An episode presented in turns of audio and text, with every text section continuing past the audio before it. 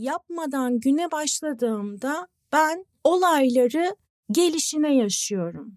Bir şey oluyor ben ona tepki gösteriyorum. Bir şey geliyor hop karşılık veriyorum ve ben hiçbir şeyin kontrolünde değilim. Hı hı. Ama dedi sabah ben oturup mindfulness meditasyonumu yaptığımda saçımı taramak gibi bu dedi. O zaman gün benim kontrolümde geçiyor.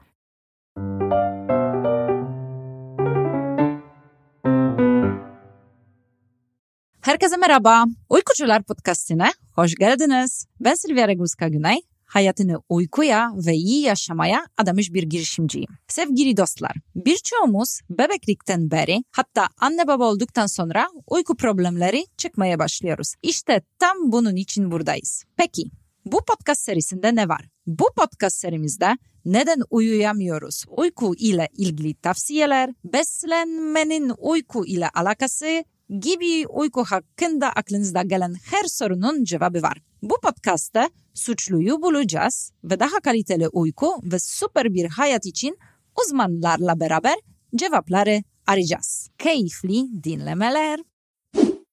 Bu podcastın hayat bulmasını sağlayan ve bugüne kadar 50 binden fazla ailenin uyumasını sağlayan Budiz'e teşekkürler. Budiz uyku arkadaşı bebeklerin %80'i 5 dakika içerisinde uyutturuyor ve anne babalara bol bol kişisel zaman hediye ediyor. O zaman gelelim bugün konusuna.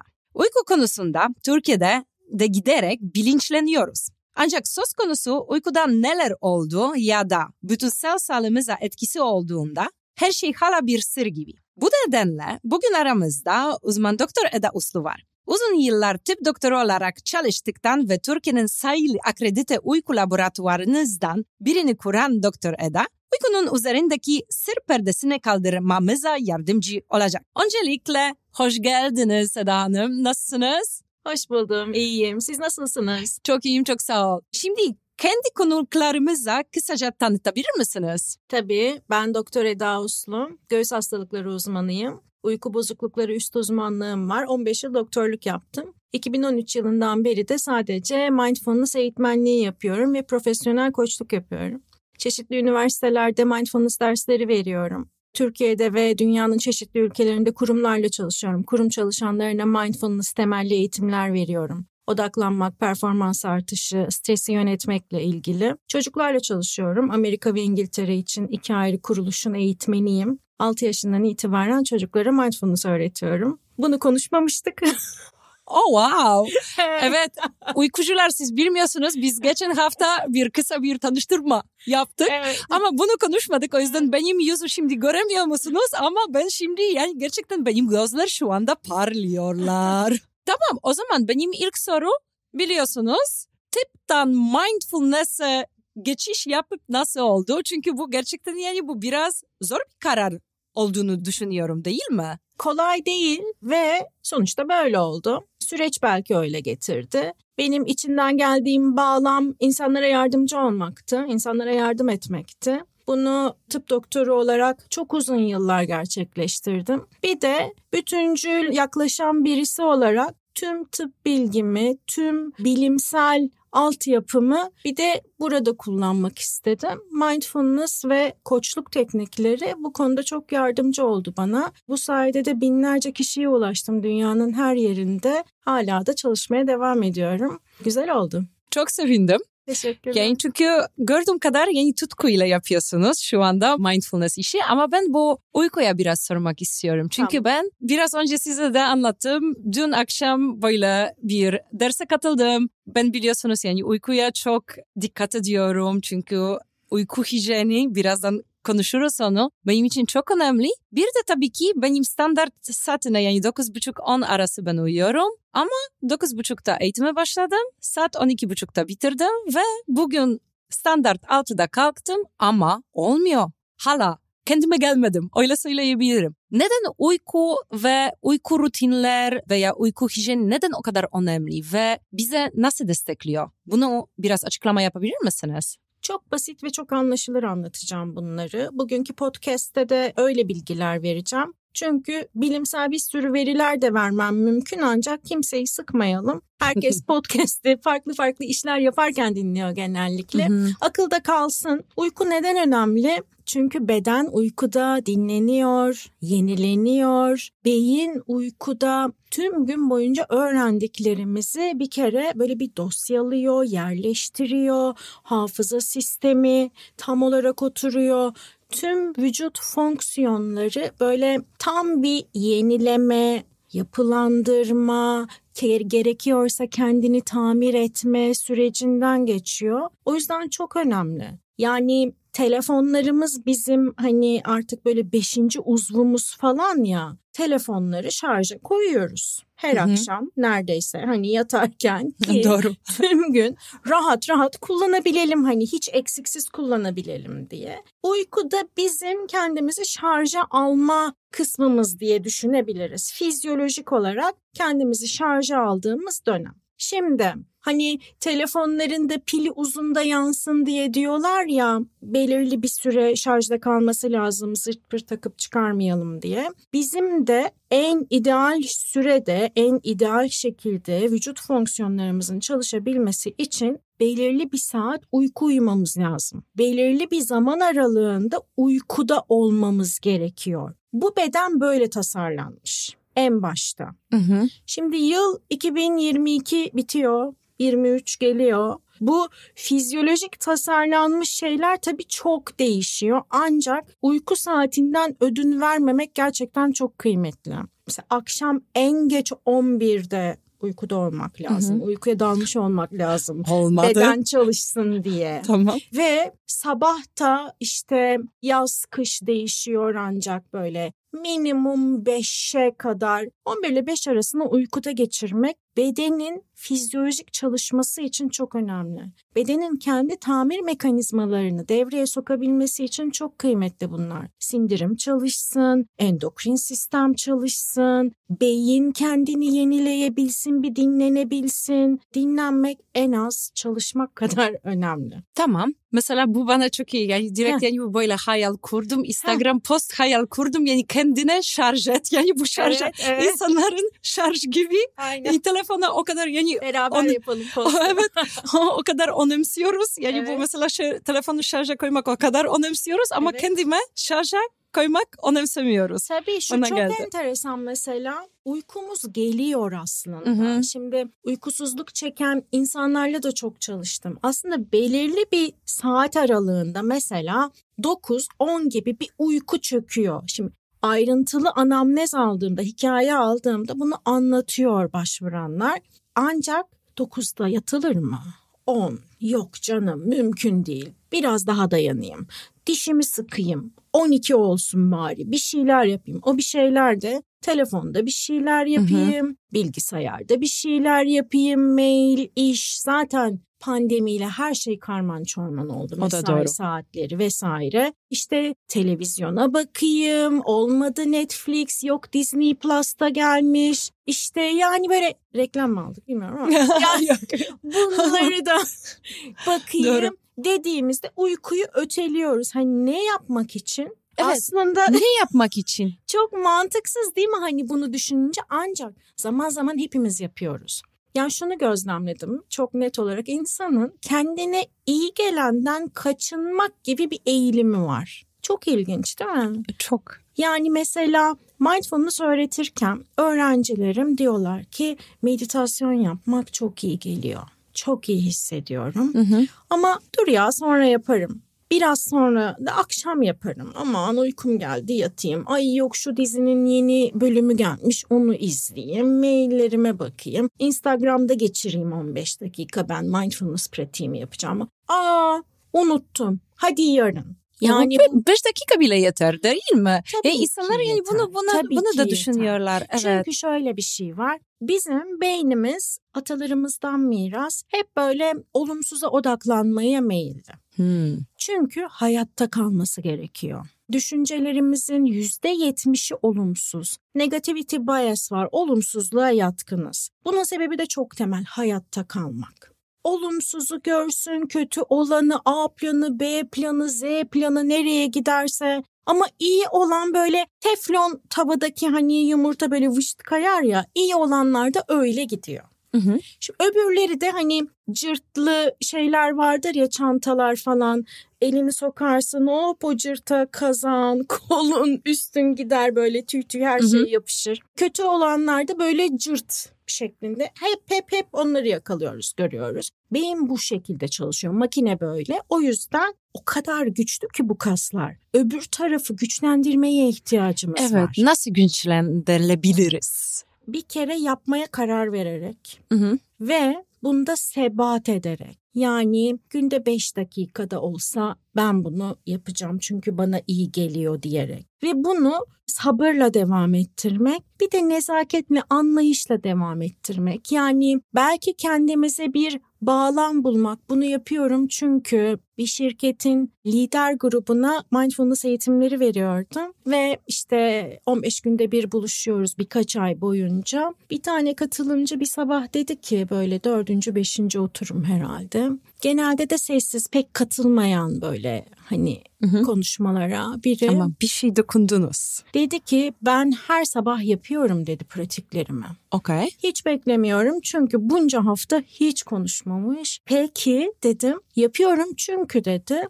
Yapmadan güne başladığımda ben olayları gelişine yaşıyorum. Bir şey oluyor ben ona tepki gösteriyorum. Bir şey geliyor hop karşılık veriyorum ve ben hiçbir şeyin kontrolünde değilim. Hı hı. Ama dedi sabah ben oturup mindfulness meditasyonumu yaptığımda saçımı taramak gibi bu dedi. O zaman gün benim kontrolümde geçiyor. Çok güzel bir şey söylemiş. Kesinlikle. Biz de bunu istemiyor muyuz aslında? Tabii ki istiyoruz. Ben başka bir şey sormak istiyorum. Çünkü ben geçen sefer neyi fark ettim? Geçen sene yeni köpeği aldım. Tamam mı? Hı. Bir de ondan sonra her sabah ormana gitmeye başladım. Çünkü köpek çok enerjik bir köpek. Evi yemesin diye ben yani tabii ki enerji atmak zorunda. Hem köpek hem ben. Tabii ki ben de yani biraz enerjik bir insan olarak hem benim enerji yani bu atmam gerekiyor hem de köpeğin. Bir de bu ormana gitmeden sonra her sabah yani bu gerçekten yani vaktim pek çok yok. Çünkü ben de çalışıyorum, anlayayım. O yüzden yani çok erken gidiyorum. Saat 7'de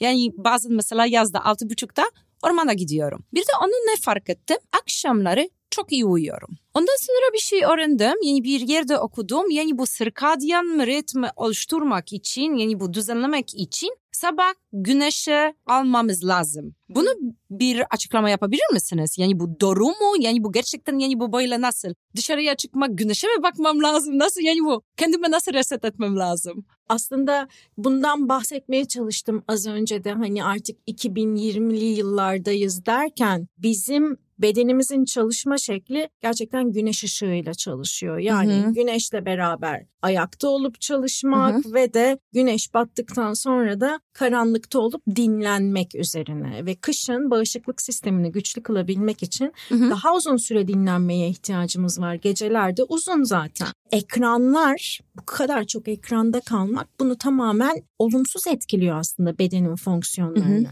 Yani bu kadar çok, bu kadar farklı, bu kadar otoimmün hastalık, bu kadar kronik hastalık olması hani tıp bu kadar gelişmişken, ne bileyim sağlık sektörü bu kadar gelişmişken, teknoloji bu kadar gelişmişken hani mantıksız gibi geliyor değil mi? Sanki Hı hı. birbiriyle böyle counterintuitive, zıt olarak etkiliyorlar sanki birbirlerini gibi. Ancak böyle de bir gerçek var. Şimdi iyi bir uyku aslında sabah uyandığımız anda başlıyor. Çok ilginç. Yani uyandığımız anda şöyle bir camı açıp temiz hava almak. Hı hı.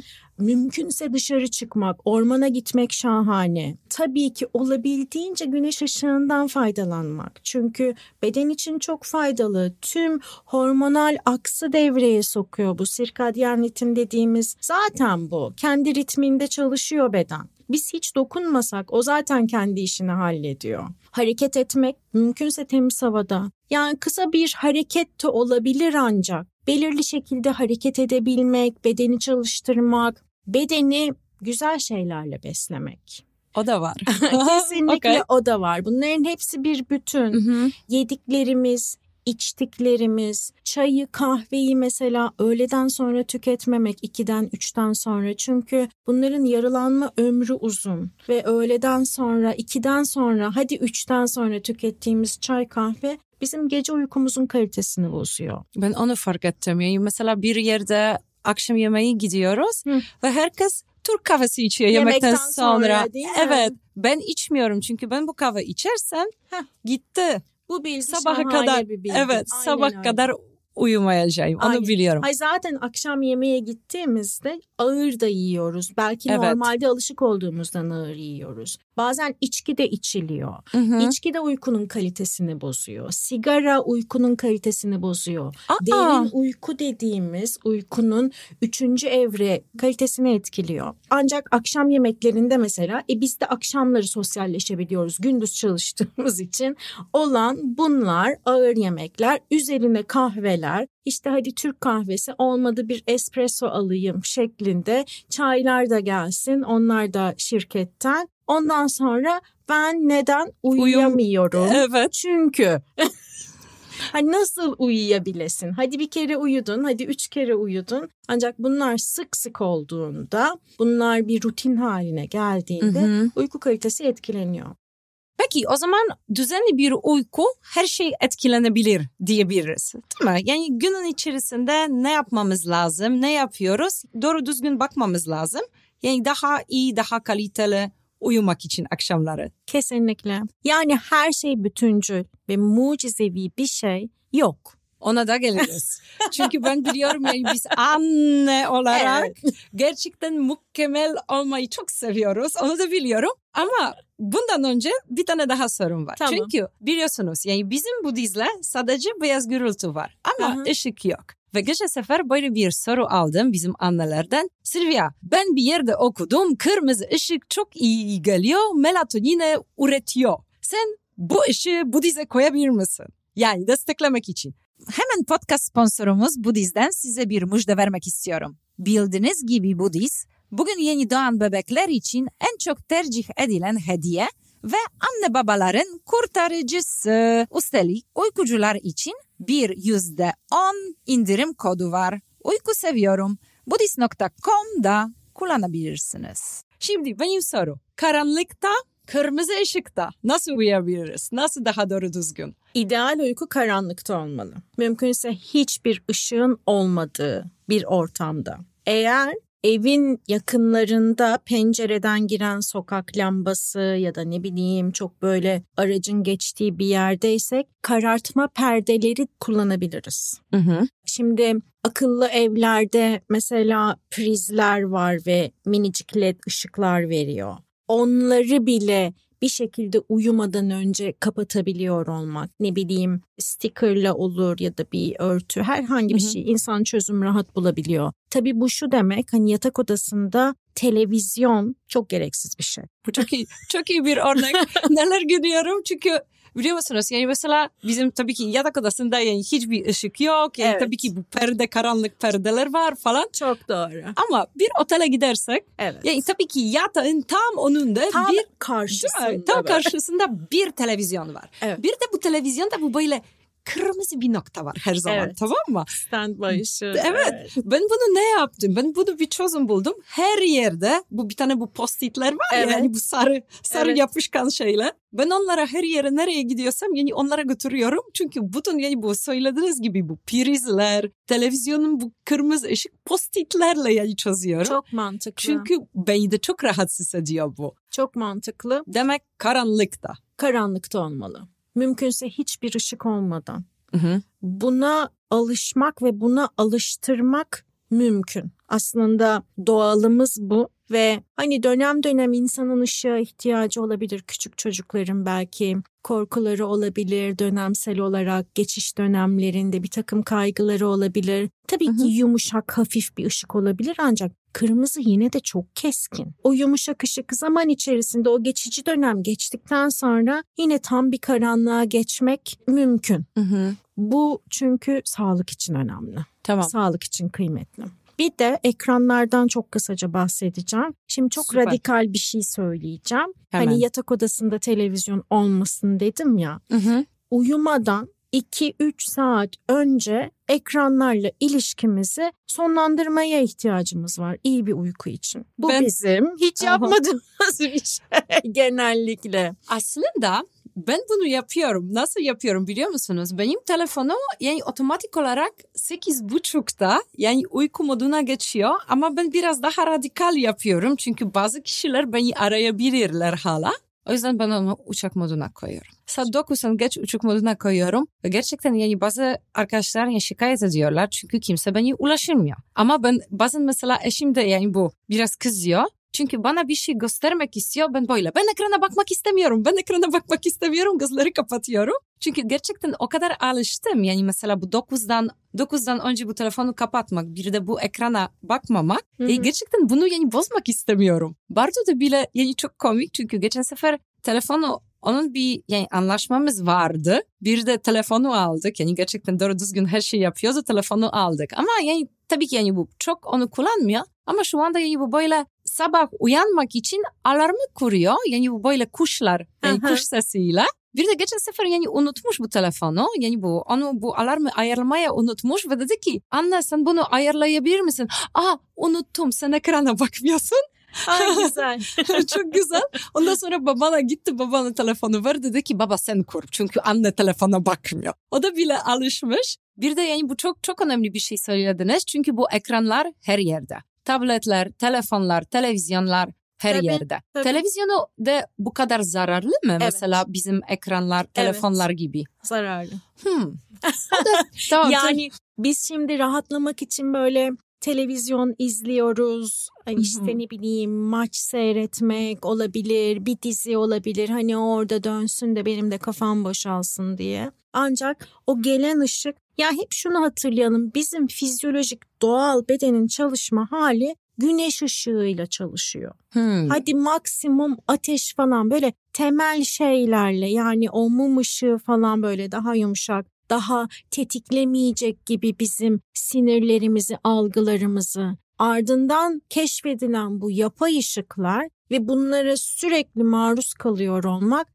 bedenin normal fonksiyonlarını bozuyor. Ha hiç mi olmayacak? Tabii kontrollü olarak olabilir. Benim bahsettiğim ideal olanlar. Bilimsel olarak önerilenler, tavsiye edilenler. Tabii ki karar kişinin yetişkin olmak zaten seçim yapmak, sonra da seçimlerinin sorumluluğunu almak demek. Tamam. Demek sorumluluk evet. bizde. Duydunuz mu? Evet.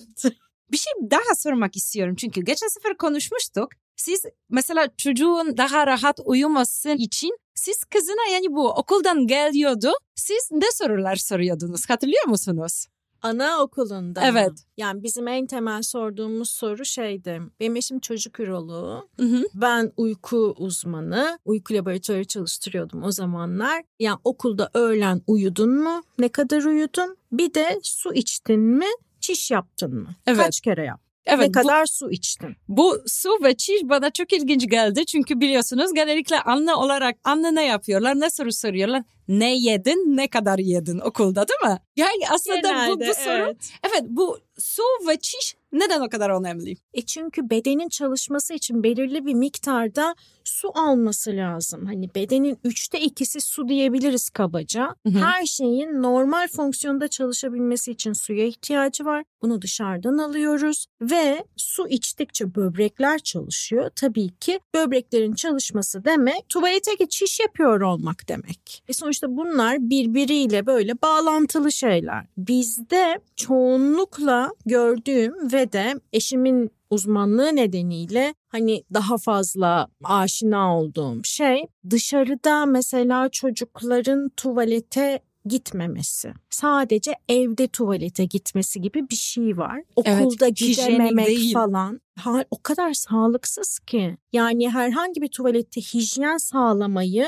mümkün kılmak gayet olası. Anne olarak bunu öğretebiliriz ve her yerde tuvalete gidebilir ki suyunu da içebilir. Çiş tutmak dışarıda tuvalete gitmemekten çok daha sağlıksız bir şey beden için. Ya bunlar refleksler yani nefes almak gibi böyle uykun geldiğinde uyumak, karnın acıktığında yemek yemek, ne bileyim çişin geldiğinde yapmak, Bunlar çok temel bedensel ihtiyaçlar. Demek yani kendime dinlememiz Aynen öyle. Dinlememek, öğrenmemiz lazım Kendimizi dinlemeyi öğrenmemiz lazım. Evet. Beden farkındalığı çok kıymetli. Şu Aslında mindfulness'ta ilk önce bununla başlıyoruz. Çocuklarla da bununla başlıyoruz aslında. Çocukları öğretirken de bununla başlıyoruz. Beden farkındalığı çok önemli. Biraz fırsat versek beden zaten bize her şeyi söylüyor. Hı hı. Şimdi bu mindfulness'a geçmek istiyorum çünkü biliyorum ya siz de farkındalık, ebeveynlik kursu da yaptınız. Hı hı. Eğitmeni de oldunuz. Bu farkında olmak ebeveyn ne demek? Yani bundan yani sormak istiyorum çünkü şimdi konuşmuştuk onu. Ben de mesela bir tane kursa katıldım. Hı hı. Ee, Polonya'da bunu online yapıyorum. Yani o yüzden uykusuzum bugün çünkü saat farkı var. Dün akşam yani çok geç uyudum yani kurstan dolayı çok geç uyudum. Bunu yani şu anda yani insanlar, anneler yani biz onu farkındayız. Yani gerçekten yani herkes mükemmelci olmaya çalışıyor. Çocuklar yüz bin tane kursa yazdırıyoruz. Yani çocuklara yani en iyi çocuk, en mutlu çocuk, en sağlıklı çocuk onu her şeyi yani yapmaya çalışıyoruz. Ama aslında biz de insanız. Yani bu farkında olmak ebeveyn ne demek? Yani nasıl olabiliriz?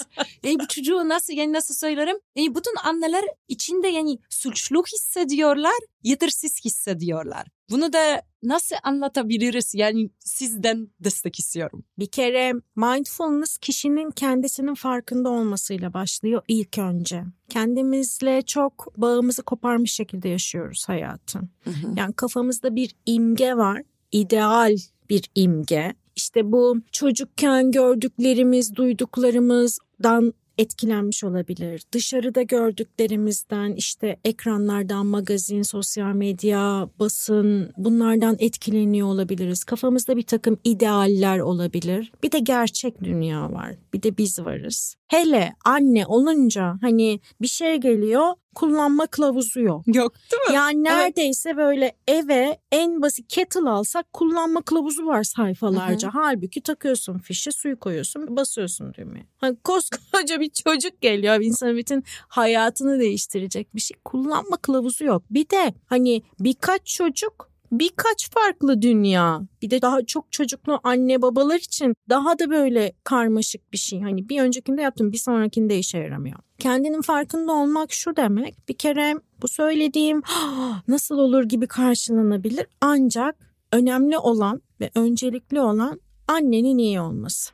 Çok iyi. Annenin mutlu olması, annenin sağlıklı olması. Ben mesela onu mesela çok iyi hatırlıyorum. Mesela bu dizi ben neden yaptım biliyor musunuz? Aslında yani annelere desteklemek yani derken bu bebeği uyusun bu anne kendi vakti istediğini yapsın. Aslında benim hayalim buydu. Çünkü dedim yani şu anda eskiden mesela bu çocuğu bütün koy büyüyordu değil mi? Evet. Şu evet. anda çok tek kaldık. Yani tek başına kaldık. Aynen. Aileler genellikle uzakta yaşıyorlar. Yani kimse bize desteklenmiyor. Söylediğiniz gibi kullanma kılavuzu yok. Ve Bir de çok mükemmelliyetçiyiz. Evet. Yani her şeyi ben yapacağım, ben yapabilirim, ben güçlüyüm, becerikliyim, yetenekliyim. Bu da çok hırpalayıcı. Hı hı, Yardım istemek, destek almak daha güçlü bir şey aslında. hı hı. Doğru söylüyorsunuz. Yani ben mesela kendi gözden yani bakarak yani tabii ki Bartu Tunus'ta doğdu. Benim aile Polonya'da.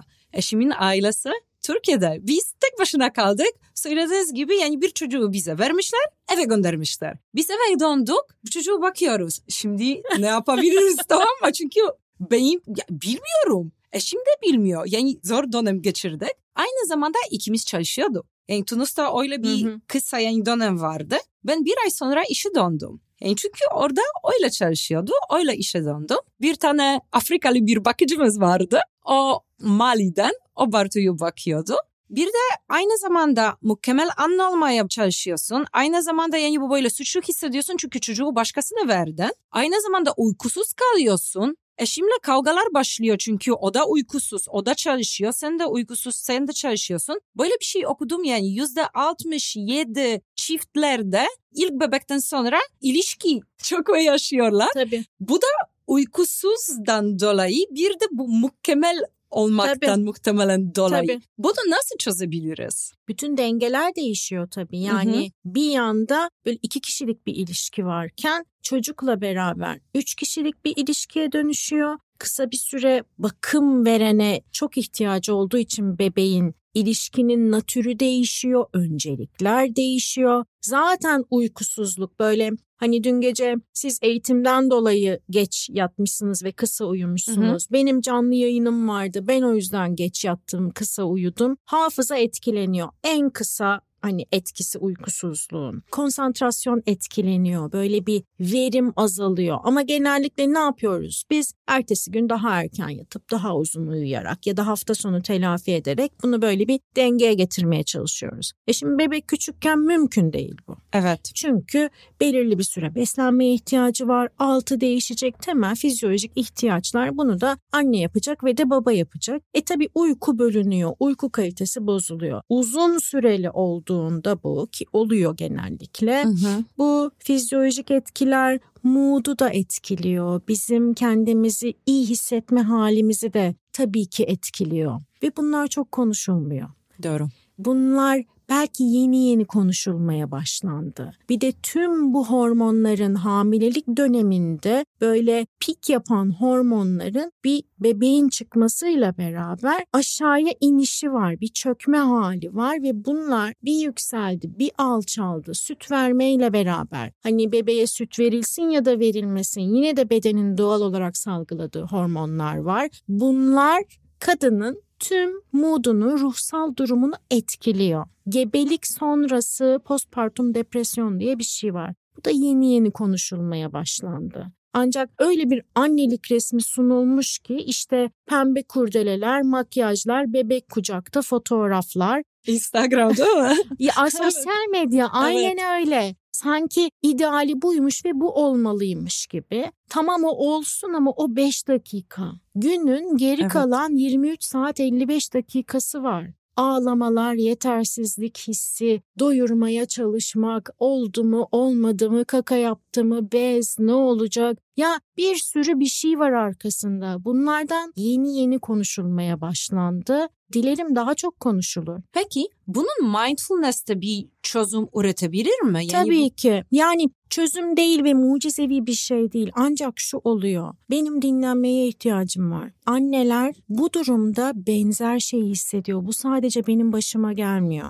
Hı hı. Ben yetersiz değilim. Elimden gelenin en iyisini yapıyorum. Kendime de bakmaya ihtiyacım var. Bu şu demek. Eğer varsa annelerden yardım istemek mesela. Eğer varsa yakınlardan yardım istemek. Eskiden gerçekten bir çocuğu büyütmek için, yetiştirmek için koca bir köy gerekiyormuş. Hı hı. Şimdi yok. Profesyonel destek almak belki bakıcıdan yani bu tarz şeylerden ya da belki oyun grupları, kreşler biz iyi olmadan ailede kimse iyi olmuyor. Ama orada da rekabet var. Yani orada da yani mesela bu böyle ben daha iyiyim. Çünkü benim çocuğum şunu yapıyor, bunu yapıyor falan. Bence biraz yani bu kadınların yani ortasında yani biraz bu böyle yani bu yetersizlikten biraz rekabet çıkıyor. Yani ben sana Doğrudur. yani gösteririm ben daha iyiyim falan. Onu yani bu mesela ben geçen sefer neyi fark ettim? Ben bu mindfulness kursu Mayıs ayında başladım gibi.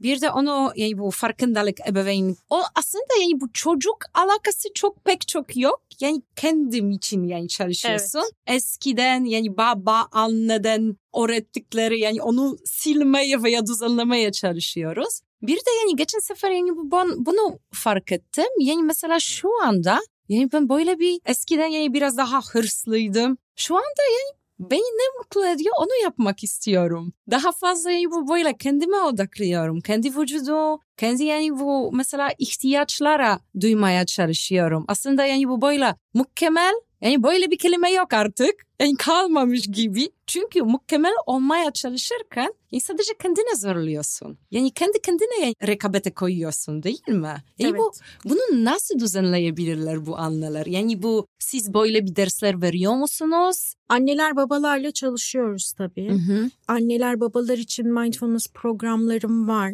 Uzun bir dönem pandemiden önce Kadıköy Belediyesi ile ortaklaşa çalışıp onlara programlar düzenlemiştik. Önce kişinin kendisinden başlıyor. Yani anne baba eğitimlerinde de genellikle şey diye geliyorlar. Aa, ipuçları verecek, tavsiyeler verecek Okey. çocuğumla Nokta ilişkim. nokta nokta.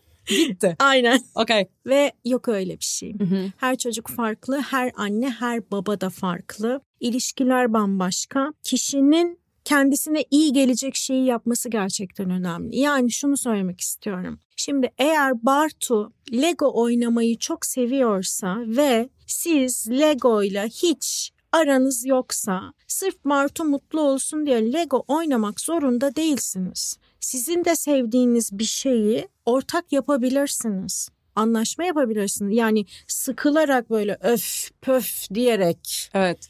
Sadece yapmak bir için. anlamı yok. Tık. Telefona bakarken bir yandan ya da işte laf Hı hı. yetiştirirken ya da böyle ekran televizyon falan bir şey açık. Orada öfleyerek ya Lego yapmanın hiçbir anlamı. Yapmayın daha iyi.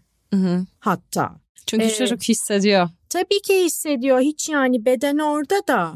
Ha içeride kimse yok şeklinde. Şunu hep söylüyorum ben annelere de babalara da. Öncelikle çocukla oyun oynarken, çocukla vakit geçirirken önemli olan sizin çok eğlenmeniz. Sizin çok keyif almanız. Bu her Hmm. neyse. Çünkü çocuk bunu hissediyor.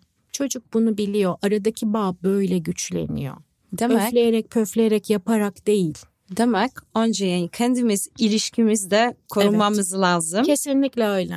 Anne babaların da- mutlu olması Evet. lazım. Tabii bu tekrar söylüyorum mucizevi bir şekilde olmuyor. Sihirli bir değnekle kesinlikle olmuyor. Bunlar zaman istiyor. Şimdi pek çok kişi bunu ilk duyduğunda yok artık nasıl benim Hı hı. istediğim şeyleri mi yapacağız diye düşünüyor olabilir. Ufak ufak zamanla 5 dakika seninki 5 dakika benimki bir sürü böyle pazarlık teknikleri kullanılabilir. Ve iki tarafta birbirini ve kendisini neyin mutlu ettiğini keşfederek böyle bir ilişki kurabilir. Sabır göstermek, kararlı bir şekilde devam etmek ve her seferinde nezaketle yaklaşmak duruma, olaya, kendi hissettiklerine, diğer kişinin hissettiklerine. Bence mükemmel şu an olan ve olmayan her ne ise mükemmel. Belki bunu böyle kabul etmek Hı hı. daha kafayı rahat tutuyor. Süper. Benim yani ben böyle yani biliyorsunuz yani gidebilirim. Sona Evet, evet. kadar iki saate kadar yani gidebilirim. Ama son soru sormak istiyorum. Çünkü Tamam. siz de anlasınız. Şimdi mutlu çocuk nasıl büyütebiliriz? Hmm. Şimdi böyle lise istiyorum. Yani biliyorsunuz. Tamam. Yani, evet. Mükemmelce Başlıyorum. bir tane liste. Anneler şimdi siz onu yazdırıyorsunuz. Bir de tik koyuyorsunuz. evet evet. Mutlu çocuk nasıl büyütülür? Var mı bunun bir formülü acaba? Onu bekliyoruz aslında. Reçete değil Evet, mi? reçe- İşte Doktordan reçete istiyoruz. doktordan Evet. reçete. Dur bakayım şu kadar saat uyku, şunları şunları yedirmek işte. değil mi? Anne mutlu olunca Hı hı. çocuk da mutlu oluyor. Nokta. Reçete bu işte. Arkadaşlar yani şimdi onu yazdırıyoruz, duvara koyuyoruz. Ben onu çok inanıyorum. Neden çok inanıyorum? Gerçekten yani ben dedim ben bebekler için yapmadım. Gerçekten yapmadım. Ben dedim bu çocuk uyuyunca çünkü ben de uyku sıkıntı Tabii. biliyorsunuz yani mutfakta 6 ay mutfakta uyudu çocuk yani aspiratörün altında. O yüzden dedim yani gerçekten bu çocuklar uyunca bu anneler kendi vakit yani istediklerini kadar kullanabilirler veya eşimle bir çay içebilirler veya uyuyabilirler çünkü bu da çok önemli veya yani bilmiyorum yani istediklerini yapabilirler. O yüzden bunu çok inanıyorum. Mutlu anne, mutlu bebek bir de mükemmel olmaya çalışmayın. Mükemmel diye bir şey yok. Ama biz onu çok seviyoruz. o ayrı. Şunu da söylemek istiyorum. Şimdi çok annelerden bahsettik ancak kurumlar ne kadar güzeldir ki mesela pandemiyle birlikte anne baba eğitimlerini de ajandalarını almaya başladılar. Hmm. Ve her dönem birazcık daha fazla artıyor anne baba eğitimi almak isteyen kurumlar ve ne artıyor biliyor musunuz? Katılan baba sayısı. Çünkü anneler için yani daha fazla destek var yani hissediyorum. Babalara bu kadar destek yok. Evet. Onu da Evet. söylemek istiyorum yani. Babaların da ilgisi artıyor. Onlar Hı hı. da arayış içerisindeler. Güzel şeyler bunlar. Ben size bir yani bu şirketin sır söyleyebilirim. Bizim web sitesine yüzde elli babalar giriyor. Şahane. Evet bir de blog postlar erkekler yüzde elli gerçekten erkekler okuyor. O bizi de şaşırdı çünkü genellikle biz de düşündük yani sadece kadınlar giriyor. İstatistiklere bakarak yani gerçekten fark ettik yani yüzde elli babalar giriyor. Çok güzel. Evet. Çok güzel haber bu. Evet. Hı. Eda Hanımcığım size yani gerçekten çok teşekkür etmek istiyorum. Çünkü yani çok değerli bilgiler paylaştınız. Ve inan bana bu muhtemelen bizim son podcast'da değil. Çünkü eminim bizim uykucuların yani bu kadar iyi sorular olacakmış. Yani çünkü bu gerçekten çok önemli bir konu. ve herkese yani ihtiyaç olan bir konu. O yüzden şu anda tekrar yani teşekkür etmek istiyorum. Ve sevgili uykucular eğer Eda Hanım'a daha fazla sorunuz varsa ya da podcast hakkında merak ettikleriniz varsa sorularınızı Instagram Uykucular Budist hesabından ya da web sitemizden iletebilirsiniz. Eda Hanımcığım çok teşekkür ederim tekrar. Ben teşekkür ederim. Çok keyifliydim. Çok sağ ol. Teşekkür ederim. Görüşmek üzere.